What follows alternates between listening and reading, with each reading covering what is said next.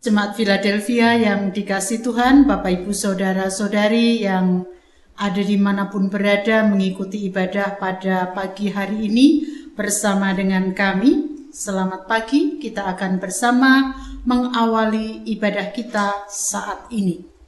Penolong kita adalah dalam nama Tuhan yang menjadikan langit dan bumi.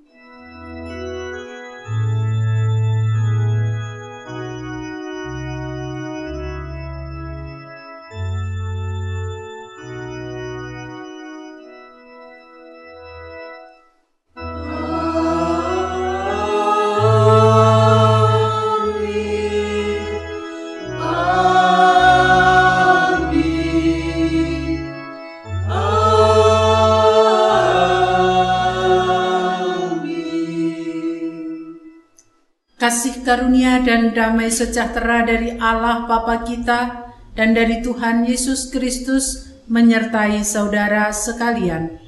Dan menyertai saudara juga. Mengawali ibadah kita, kita akan mendengarkan satu ayat menjadi nats pembimbing dalam ibadah saat ini terambil dari Yesaya pasal 55 ayat yang ke-7. Baiklah orang fasik meninggalkan jalannya dan orang jahat meninggalkan rancangannya. Baiklah ia kembali kepada Tuhan, maka dia akan mengasihaninya dan kepada Allah kita sebab ia memberi pengampunan dengan limpahnya. Kita sambut dengan pujian dari Kidung Jemaat 3 bait 1 dan 2 kami puji dengan riang.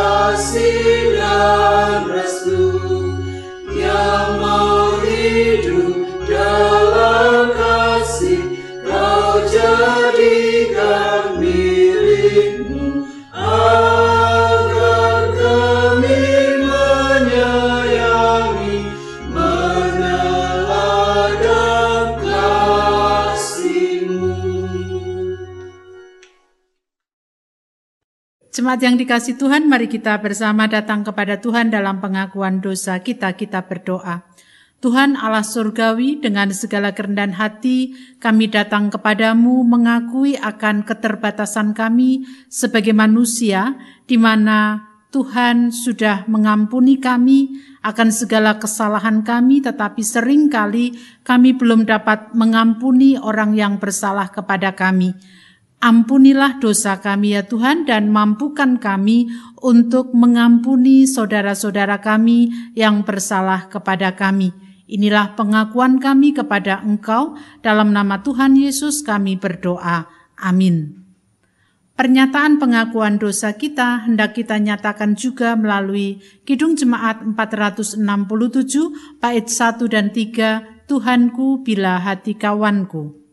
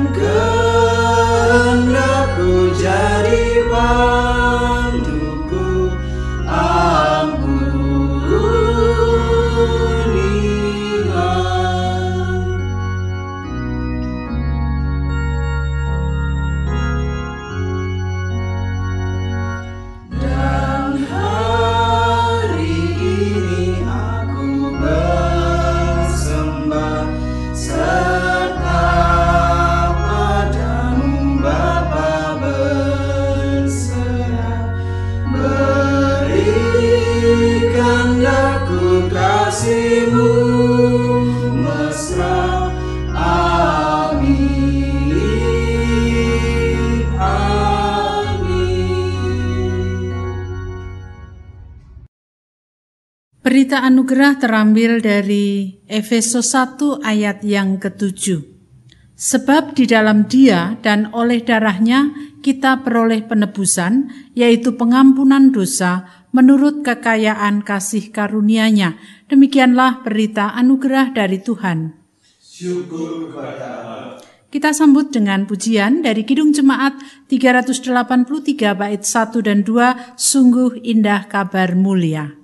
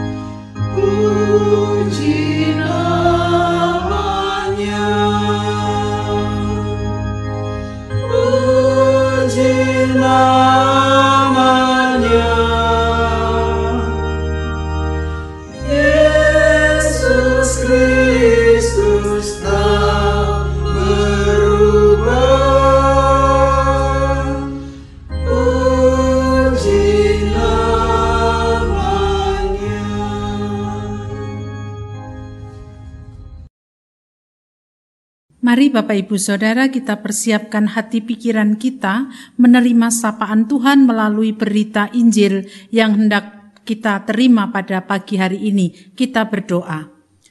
Tuhan Allah yang mengasihi kami, kami rindu Tuhan menyapa kami melalui bacaan Alkitab yang hendak kami baca, kami dengarkan dan kami renungkan Kiranya Tuhan mampukan kami untuk memahaminya, supaya kami dapat melaksanakan dalam hidup keseharian kami.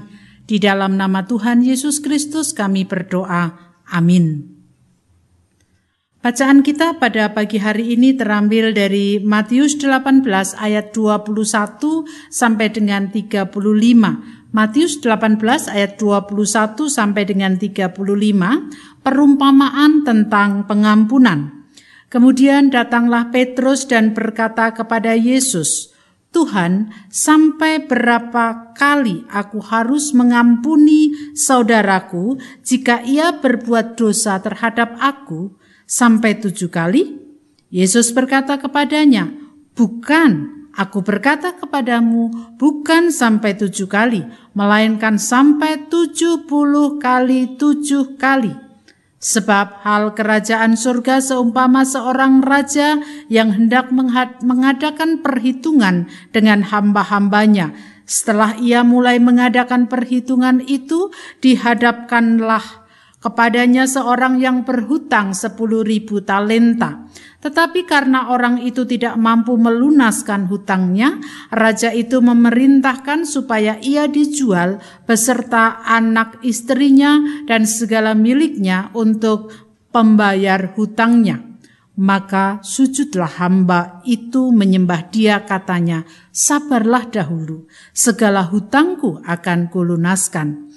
Lalu tergeraklah hati raja itu oleh belas kasihan akan hamba itu, sehingga ia membebaskannya dan menghapuskan hutangnya. Tetapi ketika hamba itu keluar, ia bertemu dengan seorang hamba lain yang berhutang seratus dinar kepadanya. Ia menangkap dan mencekik kawannya itu katanya, bayar hutangmu. Maka sujudlah kawannya itu dan memohon kepadanya, sabarlah dahulu, hutangku itu akan kulunaskan. Tetapi ia menolak dan menyerahkan kawannya itu ke dalam penjara sampai dilunaskannya hutangnya. Melihat itu kawan-kawannya yang lain sangat sedih, lalu menyampaikan segala yang terjadi kepada tuan mereka. Raja itu menyuruh memanggil orang itu dan berkata kepadanya, Hai hamba yang jahat, seluruh hutangmu telah kuhapuskan karena engkau memohonkannya kepadaku. Bukankah engkau pun harus mengasihani kawanmu seperti aku telah mengasihani engkau? Maka marahlah tuan itu dan menyerahkannya kepada Algojo-Algojo sampai ia melunaskan seluruh hutangnya maka Bapakku di sorga akan berbuat demikian juga terhadap kamu apabila kamu masing-masing tidak mengampuni saudaramu dengan segenap hatimu. Demikianlah pembacaan Alkitab kita, berbahagialah kita yang mendengarkan, merenungkan, bahkan melaksanakan dalam kehidupan sehari-hari. Haleluya!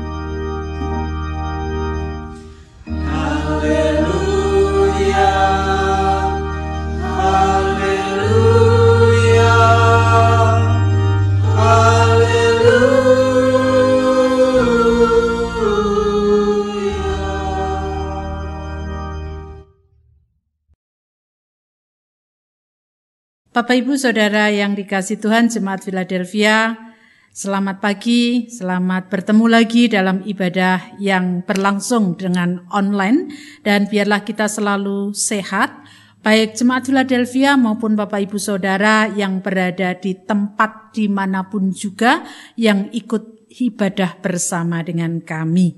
Bapak Ibu Saudara-saudari yang dikasih Tuhan, anak-anak yang diberkati Tuhan, dalam hidup kita bersama dengan orang lain.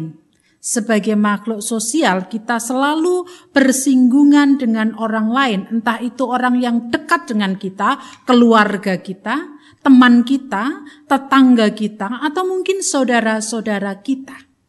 Nah, ketika kita bersinggungan dengan orang lain, tidak selalu hubungan yang kita bangun, hubungan yang kita jalin, itu selalu berada dalam kondisi yang baik-baik saja.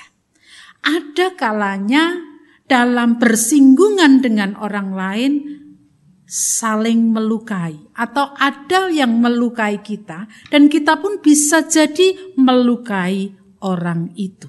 Nah, ketika luka itu ada dalam hati kita, pertanyaannya adalah ketika misalnya anak-anak disakiti temannya, ketika Bapak Ibu Saudara terluka oleh ulah atau tindakan orang lain, bagaimana? Apakah kita dengan rela untuk kemudian, oh iya saya memaafkan. Mungkin sekali dua kali, maksimal tiga kali oke. Okay. Tetapi ketika sudah lebih dari tiga kali, apakah kita juga akan memaafkan? Apalagi kalau kesalahan yang dilakukan itu sama dengan apa yang dilakukan pada waktu-waktu kemarin. Bapak, ibu, saudara, saudari yang dikasih Tuhan, kita harus jujur, memberi maaf itu tidak mudah. Itu sebabnya pagi hari ini kita diajar melalui pembacaan Alkitab kita. Bacaan saat ini merupakan sebuah percakapan antara Petrus dan Yesus. Ketika Petrus sadar bahwa dalam kehidupan bersama dengan orang lain, ada kalanya dia harus menjumpai sesuatu yang tidak mengenakkan, dan Petrus sadar bahwa dia juga harus belajar untuk mengampuni, maka Petrus bertanya kepada uh, Yesus, "Berapa kali aku harus mengampuni?" Petrus berpikir bahwa tujuh kali itu sudah sesuatu yang luar biasa. Tetapi justru dalam bacaan kita Yesus menjawab bukan tujuh kali tetapi tujuh puluh kali tujuh kali. Artinya bukan 400, 490 kali. Melainkan sebenarnya pengampunan itu tidak ada batasnya. Tidak ada batasnya. Sempurna Berapa kali pun orang bersalah kita harus punya kerelaan hati untuk mengampuni. Nah, untuk menjelaskan hal ini, Yesus menggunakan sebuah perumpamaan dalam bacaan kita. Ada seorang yang memiliki uh, hutang kepada raja.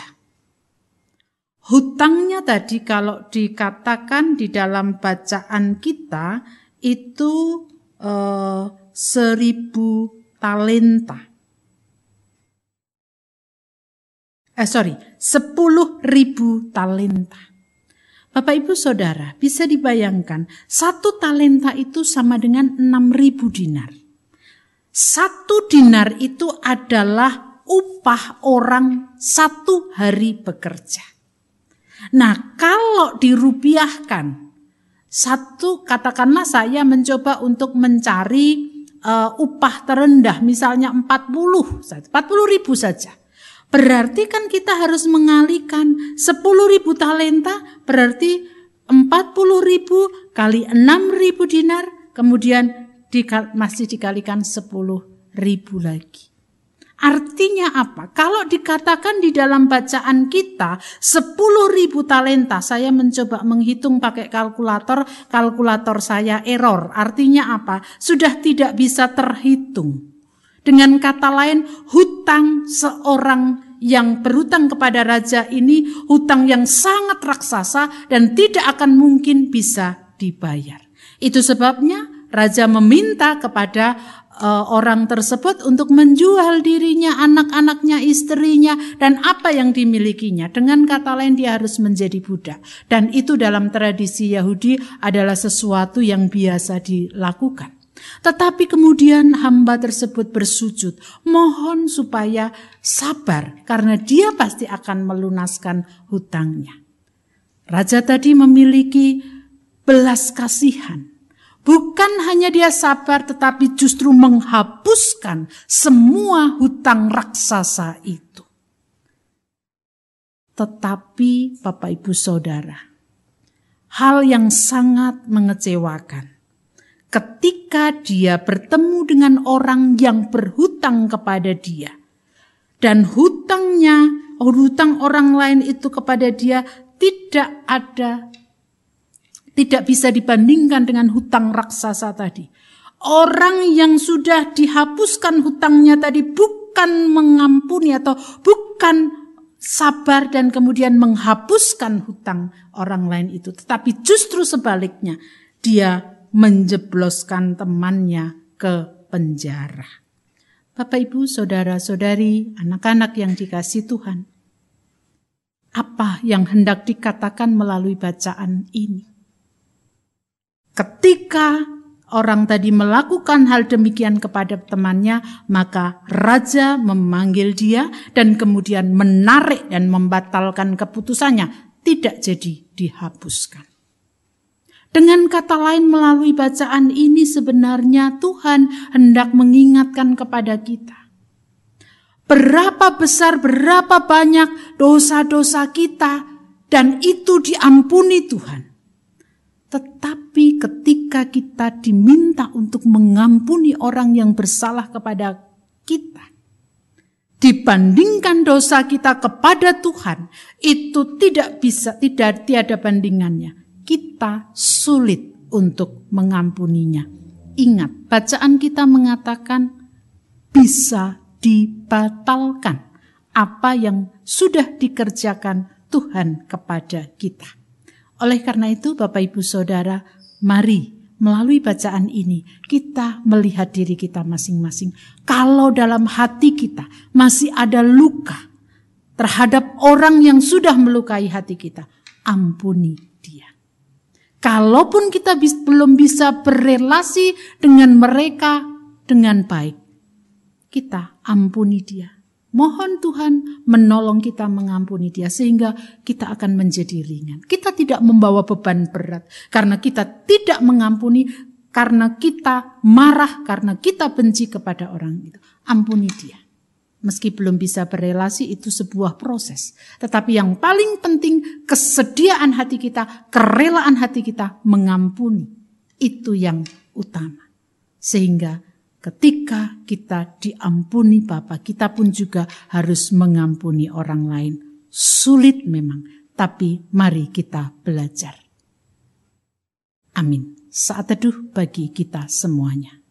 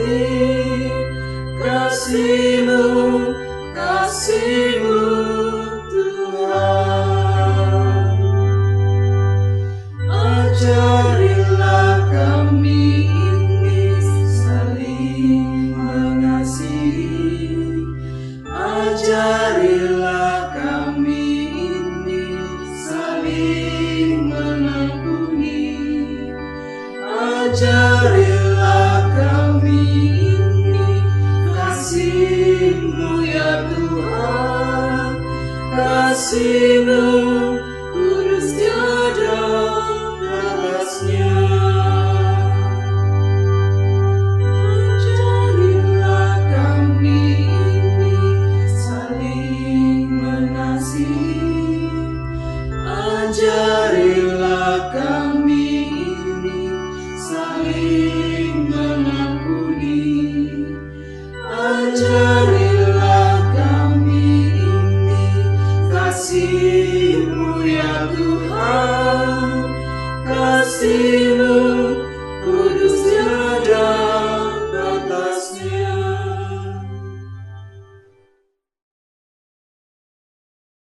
Jemaat dimohon untuk bangkit berdiri. Dengan meletakkan tangan kanan di dada sebelah kiri, marilah kita mengikrarkan pengakuan iman kita bersama dengan umat Allah pada masa lalu, masa kini, dan masa depan, menurut pengakuan iman rasuli. Aku percaya kepada Allah Bapa yang Maha Kuasa, Kalik langit dan bumi. Dan kepada Yesus Kristus, anak yang tunggal Tuhan kita, yang dikandung daripada roh kudus, lahir dari anak darah Maria, yang menderita di bawah pemerintahan Pontius Pilatus, disalibkan, mati dan dikuburkan, turun ke dalam kerajaan maut. Pada hari yang ketiga, bangkit pula dari antara orang mati, naik ke surga, duduk di sebelah kanan Allah, Bapa yang Maha Kuasa, dan akan datang dari sana untuk menghakimi orang yang hidup dan yang mati. Aku percaya kepada Roh Kudus, gereja yang kudus dan am, persekutuan orang kudus, pengampunan dosa, kebangkitan daging, dan hidup yang kekal. Jemaat dipersilahkan untuk duduk kembali. Mari kita bersatu hati dalam doa syafaat. Tuhan Allah surgawi, kami bersyukur pada pagi hari ini Tuhan mengingatkan kepada kami supaya kami belajar mengampuni kepada siapa pun juga yang telah bersalah kepada kami. Dan biarlah itu senantiasa kami lakukan dalam kehidupan keseharian kami karena Tuhan jauh terlebih dahulu sudah mengampuni dosa-dosa kami yang sangat besar. Tolong dan berkati kami supaya kami dapat mewujud nyatakan. Pada pagi hari ini kami ingin membawa kehidupan bangsa dan negara kami.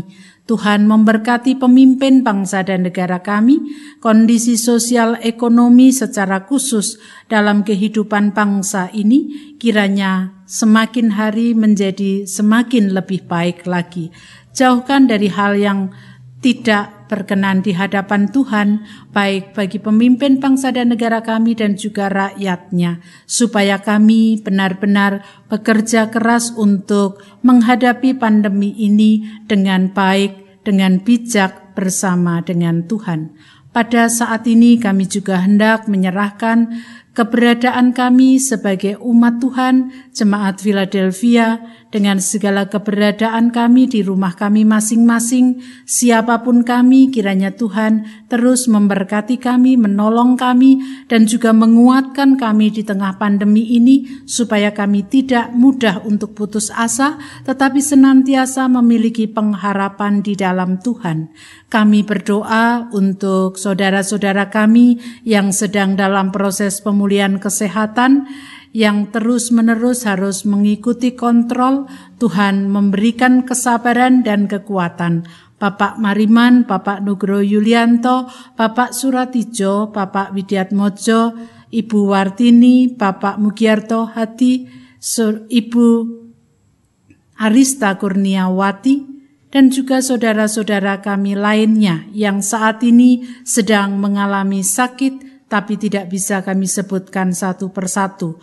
Tolong mereka, kuatkan mereka, dan jamahlah mereka dengan tangan kasih Tuhan, supaya mereka mendapatkan kesehatan dan kesembuhan dari Tuhan. Keluarga yang harus mendampingi, berkatilah mereka semuanya.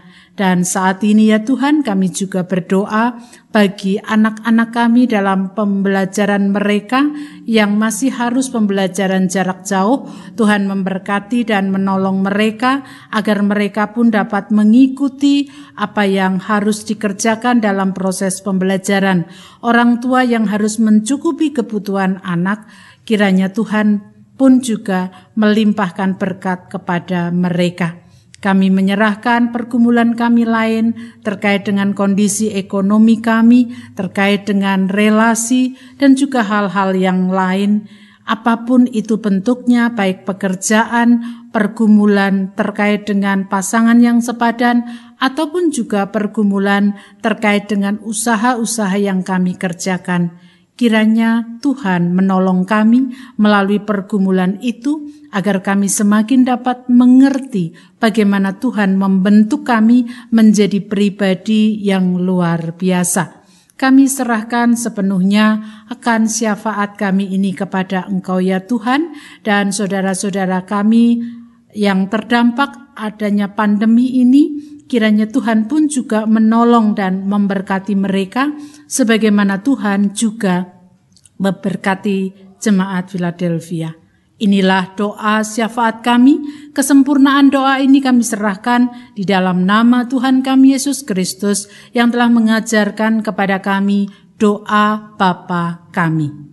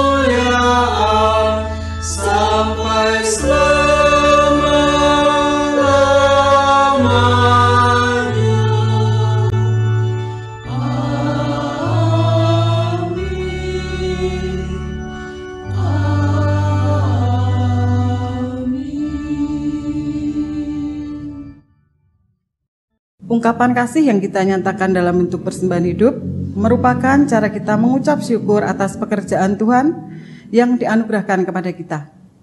Dasar persembahan diambil dari Efesus 5 ayat yang kedua. Dan hiduplah di dalam kasih sebagaimana Kristus Yesus juga telah mengasihi kamu dan telah menyerahkan dirinya untuk kita sebagai persembahan dan korban yang harum bagi Allah. Kita menyanyikan pelengkap Kidung Jemaat 146 bait pertama dan kedua, bawa persembahanmu.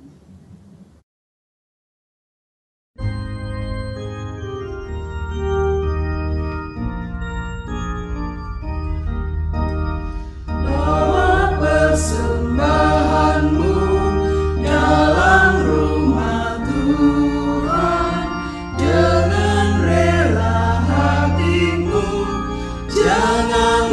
저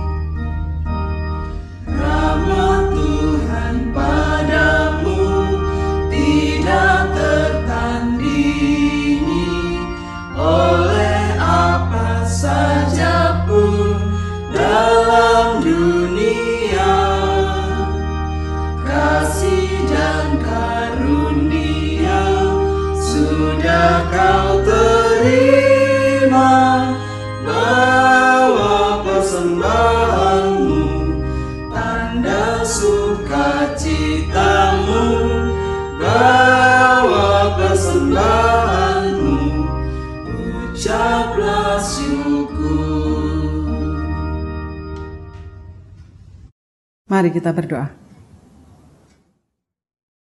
Bapa yang Maha Kasih, pagi hari ini kami datang kepadamu Tuhan, mengucap syukur atas penyertaan yang telah Engkau berikan pada kami. Tidak pernah Tuhan sedikit pun Engkau meninggalkan kami dalam kondisi apa pun, kondisi saat ini yang belum dikatakan bisa baik, Engkau pun tetap memelihara kehidupan kami. Tuhan Yesus, ajar kami untuk selalu boleh mengasihi sesama kami seperti yang telah Engkau ajarkan kepada kami.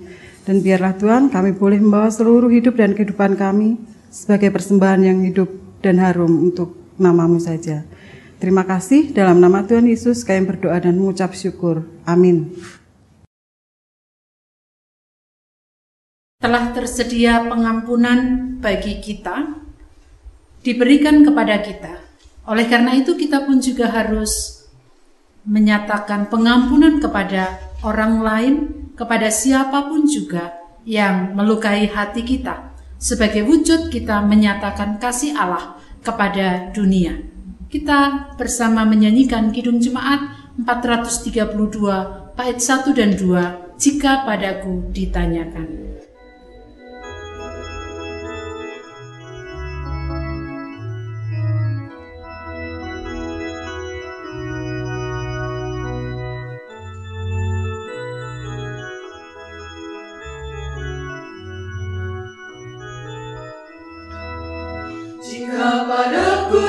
Ditanyakan apa akan ku beritakan pada dunia yang penuh penderitaan. Kan ku sampaikan kabar baik pada orang-orang miskin Pembebasan bagi orang yang ditawan Yang buta dapat penglihatan Yang tertindas dibebaskan. Sungguh tahun rahmat Tuhan sudah tiba Kerajaan Allah penuh kurnia Itu berita bagi isi dunia.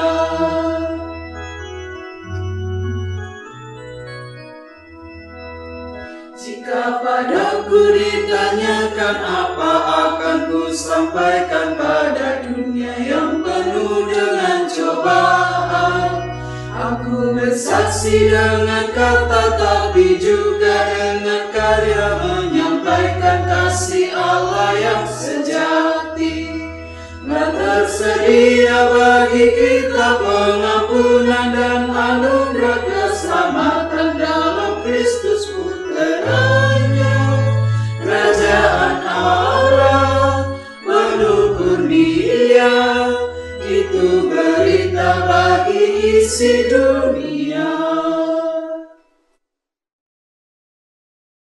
Kini arahkanlah hatimu kepada Tuhan. Kita akhiri ibadah di rumah kita masing-masing dengan sukacita. Teruslah berkarya bagi Tuhan dan terimalah berkatnya. Kasih Tuhan Yesus Kristus dan kasih Allah Bapa serta persekutuan Roh Kudus menyertai saudara sekalian selama-lamanya.